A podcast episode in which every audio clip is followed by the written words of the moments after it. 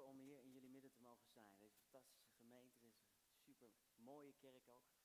Ehm, en ik moet je heel eerlijk zeggen, als ik hier naar kijk, dan denk ik altijd, heb ik dat echt gezien? Ben ik daar echt geweest? Heb ik dat echt gevoeld? Heb ik dat echt meegemaakt? Bij mij komt hij ook weer binnen. En uh, wat mensen soms moeilijk vinden is de bovennatuurlijke kracht van God en dan het normale leven. Gewoon hier zijn. Gewoon ben een kerel van, wat ben ik inmiddels, 34 geloof ik. Gewoon getrouwd, twee jongetjes. Sta zaterdag op het voetbalveld, ben coach. Uh, en er zijn zoveel normale dingen, maar dan mag je ook zoveel van de kracht van God zien. En ik ben er echt van overtuigd dat het de bedoeling is van God dat we in het leven kunnen staan en in het normale leven ook heel erg abnormaal kunnen zijn. Omdat onze God is dat. Hij is zo groot, hij is zo machtig en het is heerlijk om dat weer te mogen beleven. Um, ik heb een heleboel uh, dingen te vertellen en ik ga er zo diep in duiken. Uh, maar voordat ik dat doe, uh, we hebben een boekentafel mee. Dus mocht je wat ik te vertellen heb nou tof vinden en je zegt ik wil meer weten. Ik kan in mijn preek nooit alles zeggen wat ik zou willen doen. Uh, verrijk jezelf met een aantal boeken. We hebben leuke aanbiedingen. Ook wat moeilijkere topics. Burnout, dat is zo relevant vandaag. Maar ik ben ervaringsdeskundige, maar je kunt er zeker weer uitkomen. En beter ook, 2.0 versie van jezelf. Um, Jezus delen, hoe doe je dat nou? Uh, dat is, sommige mensen denken dat is de bediening van een evangelist, maar ik ben er echt van overtuigd dat iedereen het kan. Zoals je bent, op de plek waar je bent. En dat is ook het thema van vandaag, influence, invloed. In een wereld als deze, die zo ontzettend belangrijk is. Want mensen wachten op jou, wist je dat al? De buurman, de buurvrouw, ze wachten op jou. Ik ben nog niet zo lang geleden verhuisd, ongeveer anderhalf jaar geleden. En ik woon in een straat met allemaal voornamelijk oude mensen. En um, wij hadden verbouwing gedaan. Menno is hier, die is, eh, die is bij de boekentafel uh, actief straks. Uh, je kan het allemaal navragen. En Menno is ook een klusjesman, dus die heeft me ontzettend veel geholpen. Veel oude mensen. En aan het einde van uh, dat hele traject van klussen dacht ik, nou, ik zal mezelf introduceren in de straat en een housewarming party geven. Voor alleen de buren. Ik denk, die komt toch niemand. Wij overal uitnodigingen in de, in de busjes. En ons hele huis zat afgeladen voor, joh. Met allemaal lieve oudjes super gezellig. En we kregen een, een ware welkomstspeech in de buurt. Dus uh, een, wat, wat oudere dame. En die werd gewoon helemaal emotioneel. Ik denk, dat gebeurt allemaal hier, weet je wel, in mijn huis. En toen kreeg ik de kans om iets te zeggen. Iets van mijn invloed uit. Ik zei, nou, ik, zeg, ik ben David. Ik zeg, ik heb geen alledaagse baan. Ik zeg, ik ben veel over de onderweg. Ik zeg, reis over de wereld. Om mensen over Jezus te vertellen. Ik zeg, dus mocht je mijn vrouw af en toe alleen zien lopen, geef haar dan even een knuffel. Nou, dat zouden ze allemaal doen. Ik zeg, en mocht je ooit op enig gebied iets nodig hebben, geloof te maken heeft, kun je altijd bij ons aankomen. En inmiddels hebben we al meegemaakt dat een buurvrouw van ons in het ziekenhuis ligt. Dat ze langskwam, dat ik het voor haar heb mogen bidden. En dat we mensen op de plek waar we zijn, dat we invloed mogen hebben. Nou, um, voordat ik de Bijbel open doe, nog een andere leuke anekdote. Ik was begin januari, ik, ik ben ook karpervisser. Dat vind ik gewoon heel erg leuk. Als we het hebben over down to earth, dat is mijn... Yeah, amen. Um, en um, wat, wat ik zo leuk vind daaraan, is dat ik in de rust kan zijn, dicht bij God kan zijn en tegelijkertijd te maken heb met enorme spanning. Want je zou maar zo'n beest, ja, een engel, en dat is helemaal mijn wereld. En waar het hart vol van is, loopt de mond van over. Dus ik kan het niet laten om zo af en toe een voorbeeldje te noemen, ook in mijn preek. En dan heb ik vaak na afloop komen de jongens van, joh, kunnen we een keer samen vissen? Vind het leuk om dat een keer samen te doen? En um, dan zeg ik altijd, uh, ja, ik zou wel willen, maar het kan niet. Nou was ik begin dit jaar, was ik op een watertje in Frankrijk. Het was uh, ijskoud, twee dikke vissen gevangen. En ik ontmoette de eigenaar, die heette Lee. En is een Engelsman. En hij is, nou ja, hoe zou ik het zeggen? Als, je, als iemand een beetje atheïst kan zijn, dan was hij het al helemaal. Dus mega atheïst, weet je. En ik was nog niet binnen of hij begon al te noemen wat een onzin het was als je in God gelooft en wat al die belachelijke mensen in hun hoofd konden halen om dat te doen. En uh, weet je wel, helemaal zo. En ik denk, ik zeg gewoon lekker niks. Weet je wel. Ik denk, even helemaal gewoon netjes mijn. En uh, na een dag ongeveer stond hij naast me en toen zei hij, wat doe jij eigenlijk? ik zei, nou dat geloof jij nooit, weet je wel. Dat geloof jij nooit. Dus hij ging raden en hij, hij raadde het ook echt niet. En uiteindelijk zei ik, ik zeg, Jolly, ik zeg, ik ben evangelist. No way! oh yeah man. So everything I said, weet je wel, hij zegt alles wat ik zei. Dat, dat, hij, hij moet ik dan nu mijn verontschuldiging voor aanbieden. Ik zeg, joh, ik zeg, hoeft niet. Ik zeg, ik snap dat je zo denkt. Ik zeg, maar je moet niet proberen God hier te begrijpen. Ik zeg, je moet hem hier ervaren. En toen zei ik, de frequentie van de liefde die jij spreekt met je vrouw, ik zeg, en je kindjes. Ik zeg, dat is de frequentie waarop God ook communiceert. En jij probeert hier. Ik zeg, dus dat gaat niet lukken. Dat was de eerste keer dat ik hem stil kreeg. En ehm, we hadden ontzettend leuk contact. En toen dacht ik bij mezelf, wat nou als ik dat hele watertje gewoon huur en dan gooi ik dat open voor christelijke karpenvissers die dan met mij op pad willen om uh, nou ja, een keer een weekje te vissen. Dus uh, ik had het er met Lee over, die vond het een leuk idee. We vonden een, een, leuk week, uh, een leuke week ergens in juni. Ik gooide het op Facebook, ik had meer dan 200 reacties. Leuke en minder leuke, want er zijn mensen die denken dat je niet zo met de schepping om kan gaan. Nou, dat soort dingen. Ik heb een heel mooie getuigenis trouwens dat God de Vader met mij wil vissen. Dus ik heb zo mijn eigen ideeën erbij. Maar er was een mega respons. En binnen 48 uur zat die week vol. Met allemaal christelijke karpenvissers. Momenteel is er in Zwolle in de IJsselhallen een karpenbeurs. En er kwamen er verschillende ook al naar me toe. Er zijn dus heel veel christelijke karpenvissers. Die dus ineens een soort come-out. Iedereen die is zo soort van, uh, ik ben ook christen, weet je wel. En ik heb gisteren al jongens gesproken die naar aanleiding van mijn verhaal met elkaar in gesprek raakten. En erachter kwamen dat ze samen christen waren.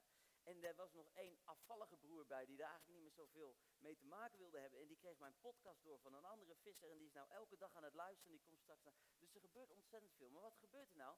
Afgelopen zondag was ik in Rotterdam. Ik preek het evangelie. Er komen mensen tot geloof. Maar daar zit de vrouw van de redacteur van het grootste karperblad in Nederland. Karper Magazine. En die kerel die belt twee dagen later en die zegt, David, die, ik heb je verhaal gehoord. Hij zegt, het is bijzonder, het is apart, dat vinden we leuk in het blad. Mag ik in Frankrijk langskomen om een reportage te maken over christelijke karpenvissers?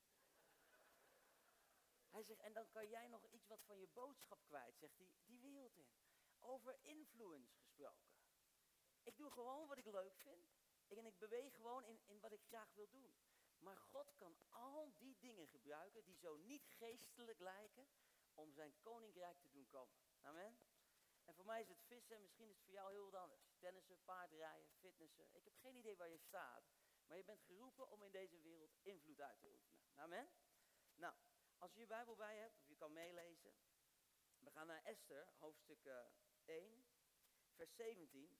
En ik moet door sommige dingen wat snel heen. En sommige dingen zal ik lezen. Dus ik zal deels het verhaal vertellen. En deels kun je het nalezen. En deels kun je het meelezen. Er zijn een aantal punten die ik wil maken vanuit dit boek. Die echt tot grote zegen voor je zullen zijn. De koning die had nogal wat uh, ruzie gemaakt met zijn vrouw.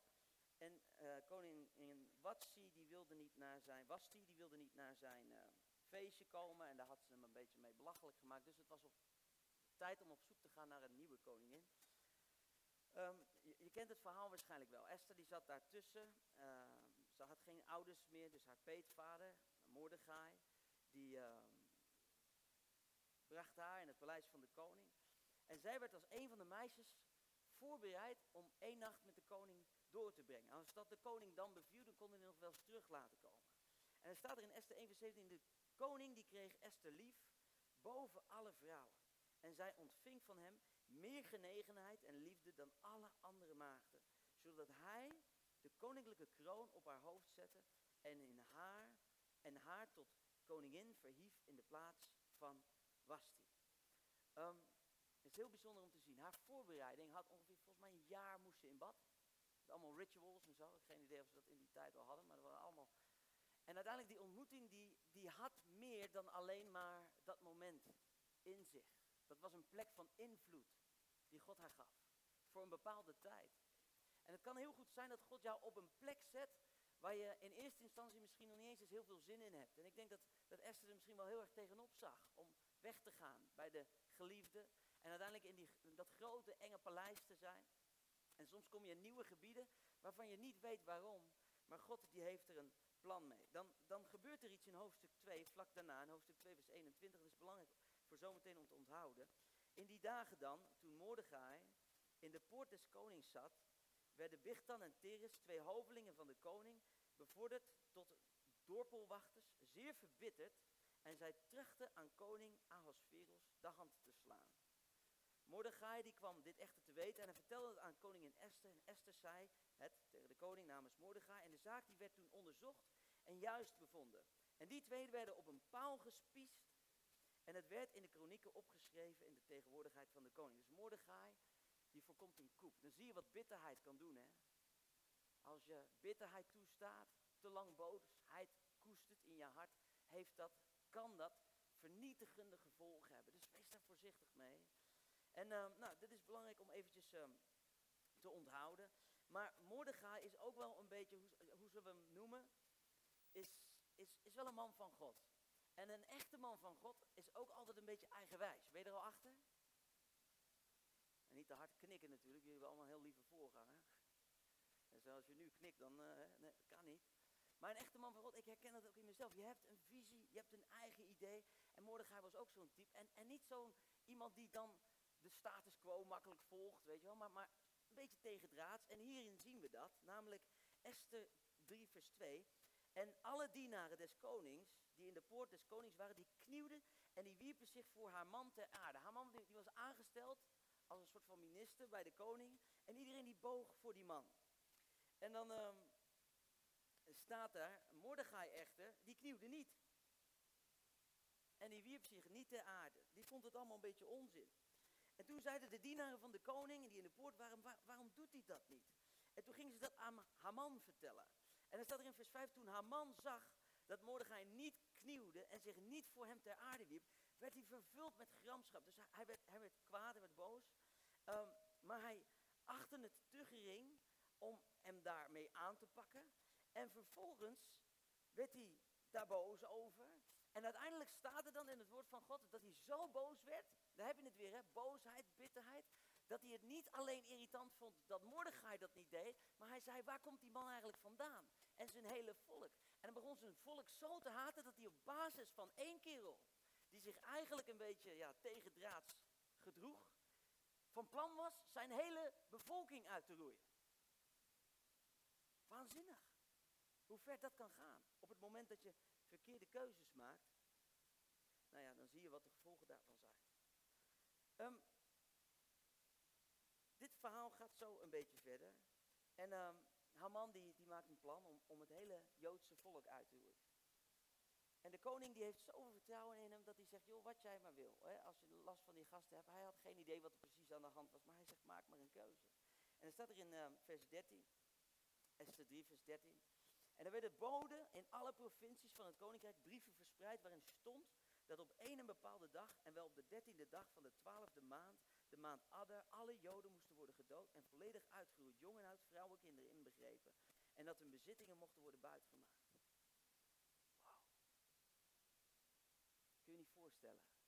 Dat er een affiche hangt in Leeuwarden, waarop staat dat jij en je gezin gedood en geplunderd mogen worden op één en bepaalde dag. Want dat is wat er gebeurt. En alles wat je had mag zomaar buiten worden gemaakt. Je voorstellen.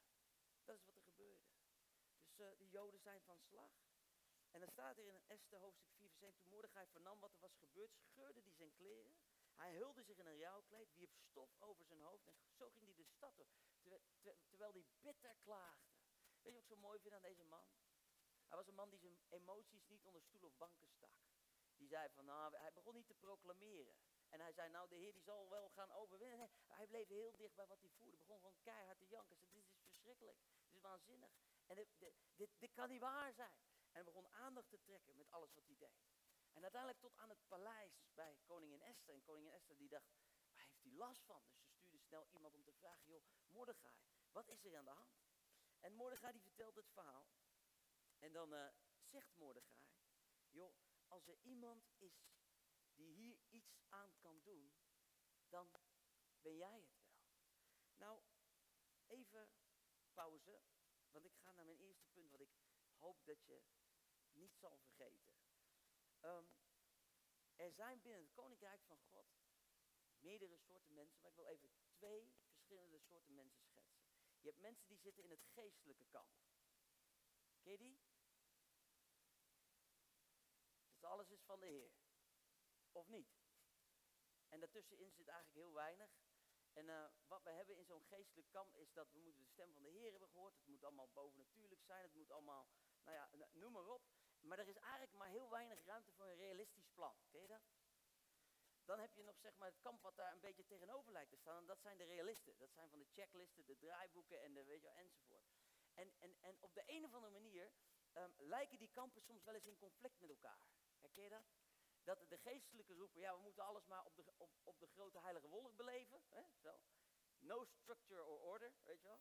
En, en de wat meer realistische mensen zeggen, ja, maar we moeten het ook gewoon kunnen plannen. Doe even normaal, zeg maar deze twee. Herkent u deze twee types? Nou, drie keer raden in welk kamp ik begonnen ben.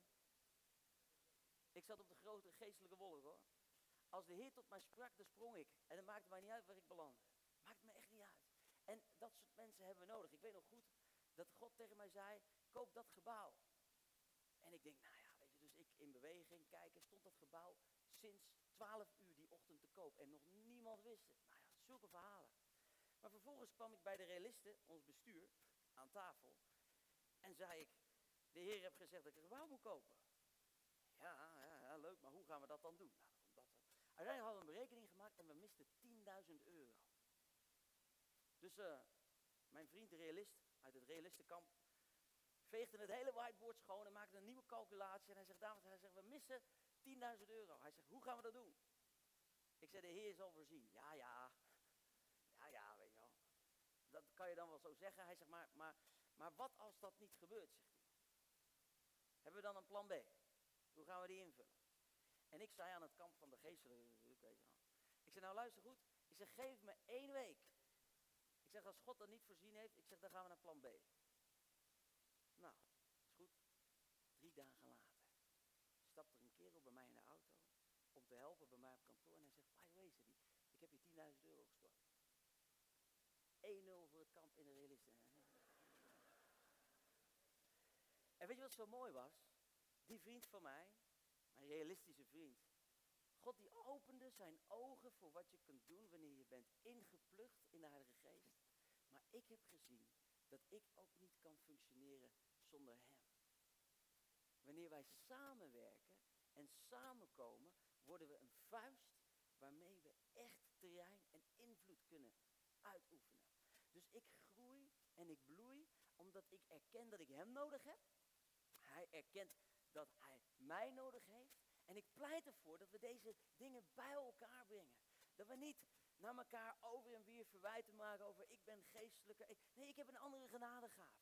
Hij heeft een andere genadegave. Jij hebt een andere genadegave. Wanneer we bij elkaar komen, kunnen we invloed uitoefenen in onze omgeving, in onze steden, in ons land en in de wereld. En ik ben er echt van overtuigd dat soms is het wijsheid om gewoon het meest logische te doen.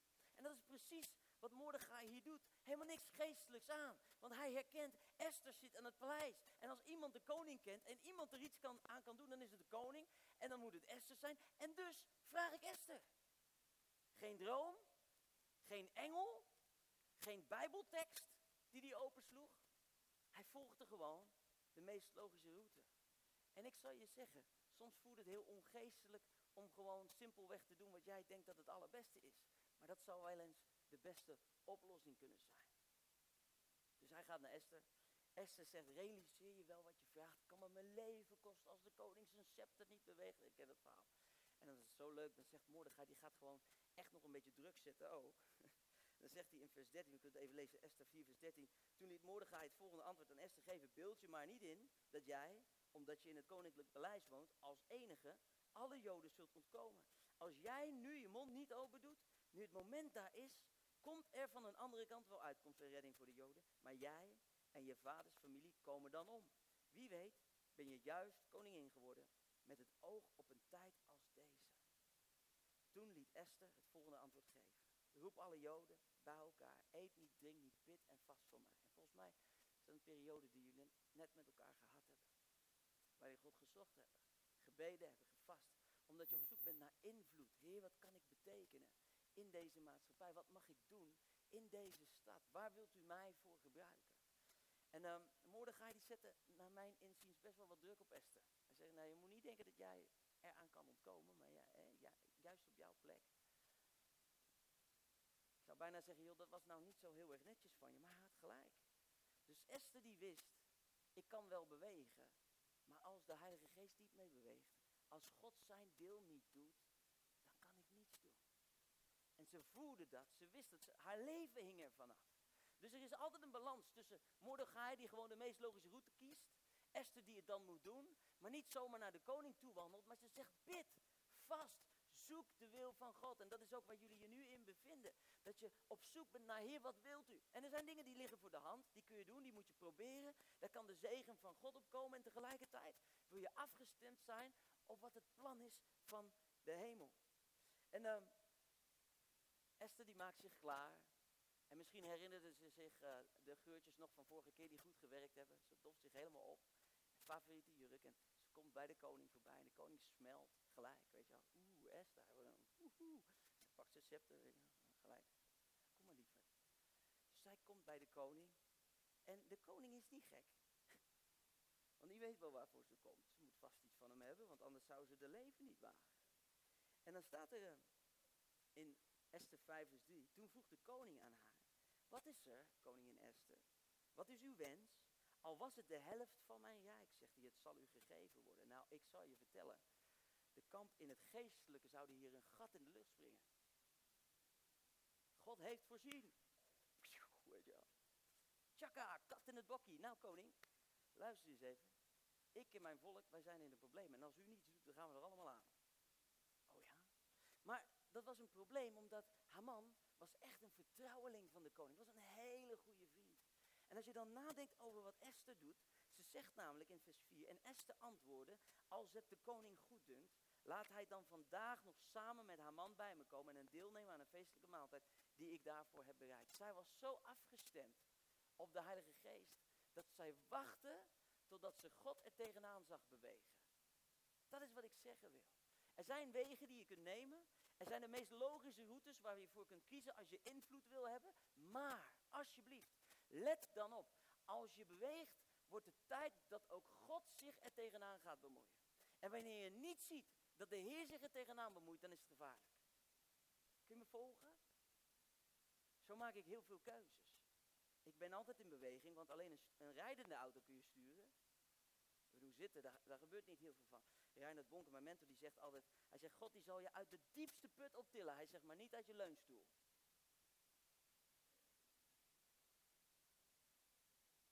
We mogen in beweging zijn. En we mogen onderweg zijn. En de Heer die wil dat sturen. Dat is wat hij wil. En wat er dan dus gebeurt, is, um, de koning zegt tegen hem, hey, kom maar bij, we gaan lekker eten met koningin Esther. En dan s'avonds, toen de wijn geschonken werd, vers 6, zei de koning tegen Esther, wat wilt u vragen? Wat wilt u? Al is het de helft van mijn koninkrijk, uw wens zal worden vervuld. Wat ik wil vragen, zegt ze dan. Wat ik wens, zegt ze in vers 7. Als de koning mij goedgezind is, ze voelt, ze tast af, ze wacht, ze kijkt. En ze weet het, dit is nog niet het moment.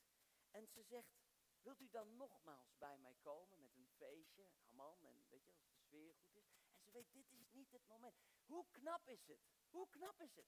Als iemand tegen jou zegt, vraag wat je maar wilt en jij kunt je mond houden omdat je weet, God is er niet in. Influence.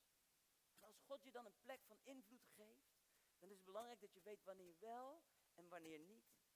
En dan staat er in vers 9, dit is zo leuk hè. Er zit zoveel humor in de Bijbel, heb je dat ontdekt? Haman die verliet het paleis die dag vrolijk en goed gehumeurd. Maar zodra hij in de koningspoort Mordechai zag, die niet opstond en niet van ontzag voor hem beefde, werd hij. Mordechai is wel een karaktertje hoor.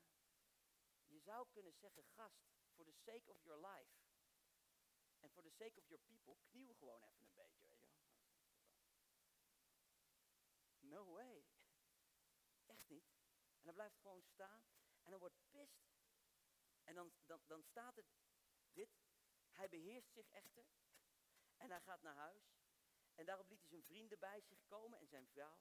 En dan staat er in vers 11. Hij wees hun op zijn geweldige rijkdom, het aantal zonen dat hij had, de eervolle positie bij de koning die hem had gegeven. En boven alle rijksgenoten, hoge functionarissen, bla bla bla. En daar komt nog eens een keer bij, zei haar man, dat koningin Esther een feestmaal heeft bereid waarvoor ze behalve de koning niemand anders dan mij heeft uitgenodigd. En ook voor morgen ben ik door haar gevraagd om samen met de koning te mogen dineren. Oh, Maar, ding, dit betekent allemaal niets voor mij. Zolang ik Mordechai, die in de koningspoort zie zitten. Oh, dit is een typetje waarvan ik het label narcist op zou willen plakken. Hij heeft alle, alle symptomen. Het is allemaal me, me, myself en I. En ik heb een heleboel, maar het doet me allemaal niks zolang ik niet gelukkig ben. Weet je wel zo? En het ligt altijd aan iemand anders. Nou, wie van jullie ziet dat Mordechai wel een... Uh, nee, nee, nee, sorry, Haman wel een goede sessie therapie zou kunnen gebruiken. Dat boel aardig plakken aan elkaar bij die kerel. En er staat dus zijn vrouw circus. Iedereen die danst in het circus mee. En die zegt, joh, ze zei liever, laat dan even een paal neerzetten. Van 50 L hoog, morgenochtend. Vertel je het allemaal aan de koning. En dan hangen we gewoon met elkaar Mordechai daar aan. Oh, en dat plan dat beviel hem wel. En uh, hij liet de paal alvast klaarzetten. Maar ja, wie een paal neerzet voor een ander. En nu gebeurt er dit. En dit is mijn belangrijkste punt. Ik ga richting het einde van mijn verhaal. Esther 6 vers 1. Die nacht kon de koning niet slapen. I love it. Daar is God. Ineens begint hij zich tegen het verhaal aan te bemoeien. Jij doet wat je kan en dan stapt God erin. En wanneer God erin stapt, gaat iets van een normaal niveau ineens naar bovennatuurlijke invloed. Jouw invloed plus de invloed van de Heilige Geest maakt bovennatuurlijke invloed. En wanneer dat gebeurt, dan hou je maar vast, grijp de leuning, zeggen wij altijd tegen elkaar. We stijgen op, weet je, want God is erin. En dat is wat er gebeurt. Koning kan niet slapen. En omdat hij niet kan slapen, had nog geen Netflix, weet je wel, en nog geen andere dingen. Zegt hij tegen zijn lijfwachter, willen jullie alsjeblieft de kronieken voorlezen? Dus nou, die beginnen kronieken voor te lezen. Komt het verhaal van Mordechai. Dat verhaal dat hij de koning gespaard heeft. En hij zegt tegen zijn lijfwachter, joh, hebben wij die er eigenlijk ooit voor bedankt? Ja, nee, dat hebben we nog nooit gedaan. Hij heeft echt veel voor ons betekend. Hij heeft heel veel voor ons betekend. Nou, volgende dag Haman op het paleis. Joh, Haman, kom eens even bij. En de koning die zegt tegen joh, luister goed. Hij zegt, er is een kerel en die heeft zulke goede dienst aan de koning bewezen. En Haman die dacht natuurlijk alleen maar aan zichzelf, want dat doen narcisten. Dus hij zei, ja, ja, ja, ja, zeker, zeker. En hij zei, wat zouden we moeten doen voor zo'n kerel? En hij verzint me toch een promocampagne. Voor zichzelf. Met een paard en een kleed van de koning. En, en, bijna de koning zelf, weet je wel zo. Dat komt zo'n mooi momentje. en dan zegt de koning, wat een fantastisch idee. Nou, ga, ga Mordechai even halen, die Jood. Wat een moment moet dat geweest zijn? En, en, en zoiets kan alleen God maar doen. Dat wat mensen bedoelen voor kwaad, dat we mensen de bedoeling hebben om je onder de grond te duwen, om je af te trappen. God kan dat gebruiken, omdraaien, wanneer hij zich er tegen om jouw invloed te vergroten. Oh my goodness, Mordechai ging door het hele land en die avond, die avond, stond dat hele mooie diner nog een keer met koningin Esther gepland en met haar man. Hoofdstuk 7. Zo waren de koning en haar man weer bij de koningin Esther te gast. En ook op deze tweede dag zei de koning terwijl de wijn geschonken werd tegen Esther. Esther, wat wil je? Wat wil je? Wat is je wens? Al was het de helft van mijn koninkrijk. Ik zal het je geven. En toen wist Esther. God is in deze situatie. Nadat ze haar oom en peetvader als een koning door de stad had zien worden gedragen, wist ze, God heeft zich er tegenaan bemoeid. En dan zegt koningin Esther, joh majesteit, als u mij goed gezind bent en als het de koning goed doet, schenkt u mij en mijn volk dan het leven. Dat is wat ik wil vragen. Oh ja, ben je in gevaar? Wat is er gebeurd? We zijn verkocht. Wie is die man? Zegt hij, wie is die man? En koningin Esther die antwoordt in vers 6. Die meedogenloze vijand, dat is die ellendeling daar. Haman. Haman kromp in één van angst voor de koning en de koningin. En er staat er in hoofdstuk 7, woedend stond de koning op van tafel. En hij ging de paleis staan in. Maar Haman die bleef om koningin Esther om zijn leven te smeken. Want hij besefte dat hij van de koning niet goed te verwachten had. Ik vind het zo gaaf. De koning had geleerd om zijn emoties een beetje te beheersen. Dus hij was uh, woedend opgestaan. En tegelijkertijd even afkoelen in de tuin voordat hij dingen deed waar hij spijt van kreeg. En toen hij terugkwam, vond hij dit. Toen de koning uit de paleistuin terugkwam, vers 8. In het vertrek waar de maaltijd werd gehouden, had Haman zich juist laten neervallen op de bank waar Esther lag. Om te smeken voor zijn leven.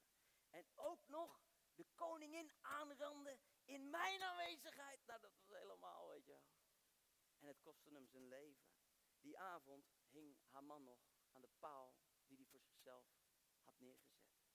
Wie een kuil graaft voor een ander, maar ook wie een paal neerzet voor iemand anders. En al zijn bezittingen kwamen naar koningin Esther en zij gaf al die bezittingen in het beheer van Mordechai. Invloed. Misschien heeft God jou op een plek gezet, juist voor een tijd als deze. Mag ik aan de muziek vragen om erbij te komen? Gaan we met elkaar bidden. Wie van jullie is gezegend vanmorgen door het woord?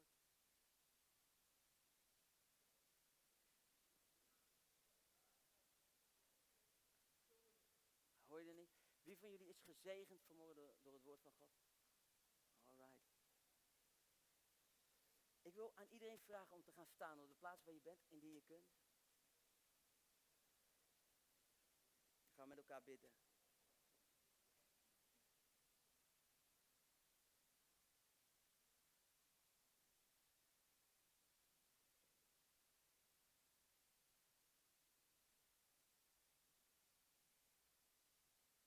Lieve Heer Jezus, ik wil u danken, Vader, voor dit moment.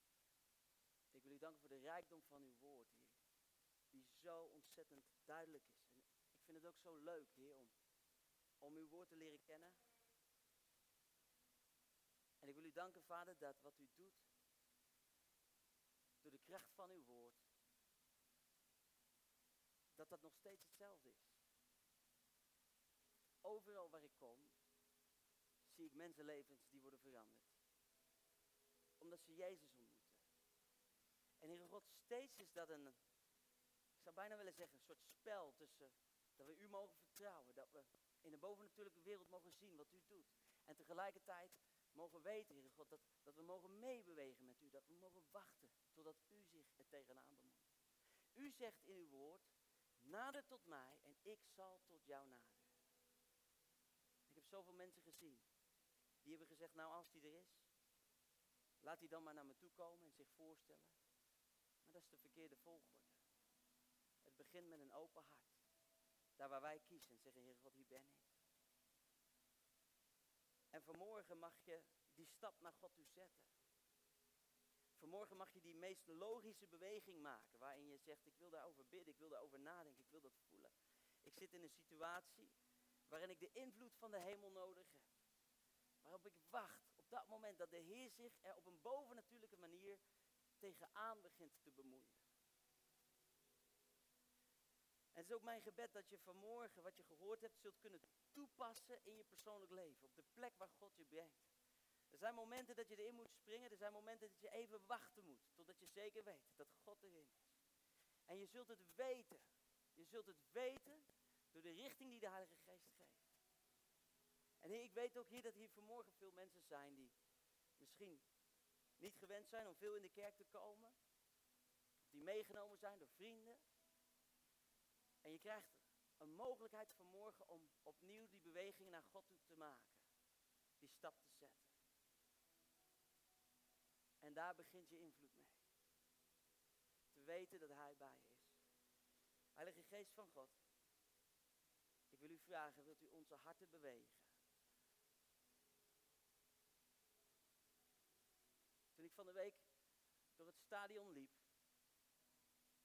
een bruisende voetbalwedstrijd met tienduizenden mensen.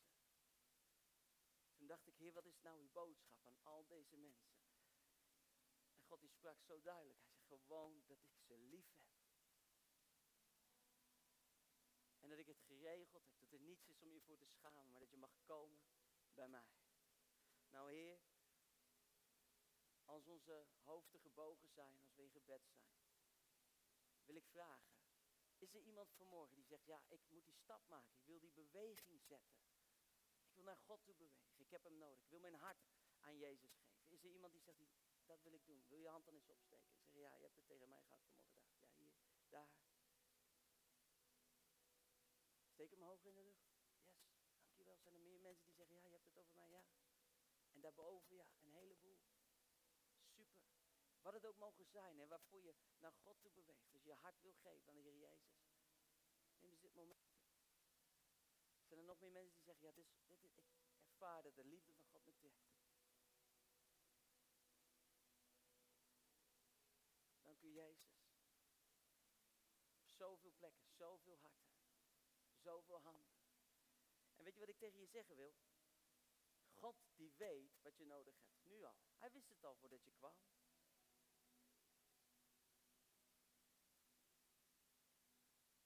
Mag ik aan iedereen vragen om je handen te openen en jij specifiek als je je hand hebt opgestoken, nu gewoon nog een moment naar de hemel te richten en mij allemaal hardop na te bidden. Laten we tot God naderen met elkaar. We zeggen, lieve Heer Jezus, dank u voor deze zondagmorgen. Dank u wel dat ik tot u mag naderen. En dat u nu nadert tot mij.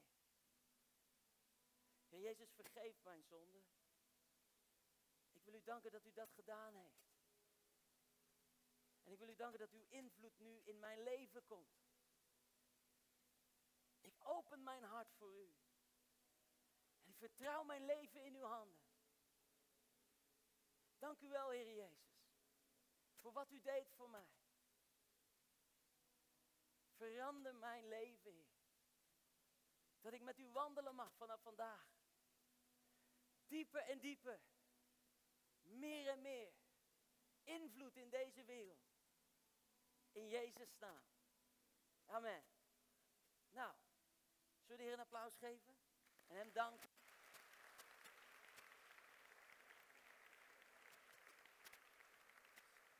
Als je net dit gebed voor de allereerste keer gebeden hebt in je hele leven, dan is dit de meest belangrijke beslissing die je kan maken. Dat is om Jezus te volgen. Er waren heel veel handen, ook bovenin. En ik wil je uitnodigen om ook gedurende de dienst naar een van deze hoeken te komen. Als je gebed nodig hebt, om ook dieper met God te gaan. En ik wil ook tegen je zeggen dat mocht je hier te gast zijn, je hebt geen thuisgemeente, geen plek waar je graag naartoe gaat, dan is dit een fantastische plaats om je bij aan te sluiten. Mensen die je willen omarmen, mensen die samen met je willen optrekken om Jezus te volgen. Nou, nog één ding. En dan ga ik zitten hoor. Zullen een gebed bidden van herstel? En dit wil ik over je bidden. Dit hoef je niet na te bidden. Maar je mag je handen openen. God van Abraham, Isaac en Jacob. U bent de levende Heer. En Heer, we hebben gezien de wonderen die u doet in verre landen. We kennen ze vanuit uw woord. Hier maar hier in Leeuwarden zijn ook mensen die zo uw aanraking nodig hebben. Vader, kanker is een groter probleem aan het worden. En het lijkt wel steeds meer en meer toe te slaan om ons heen.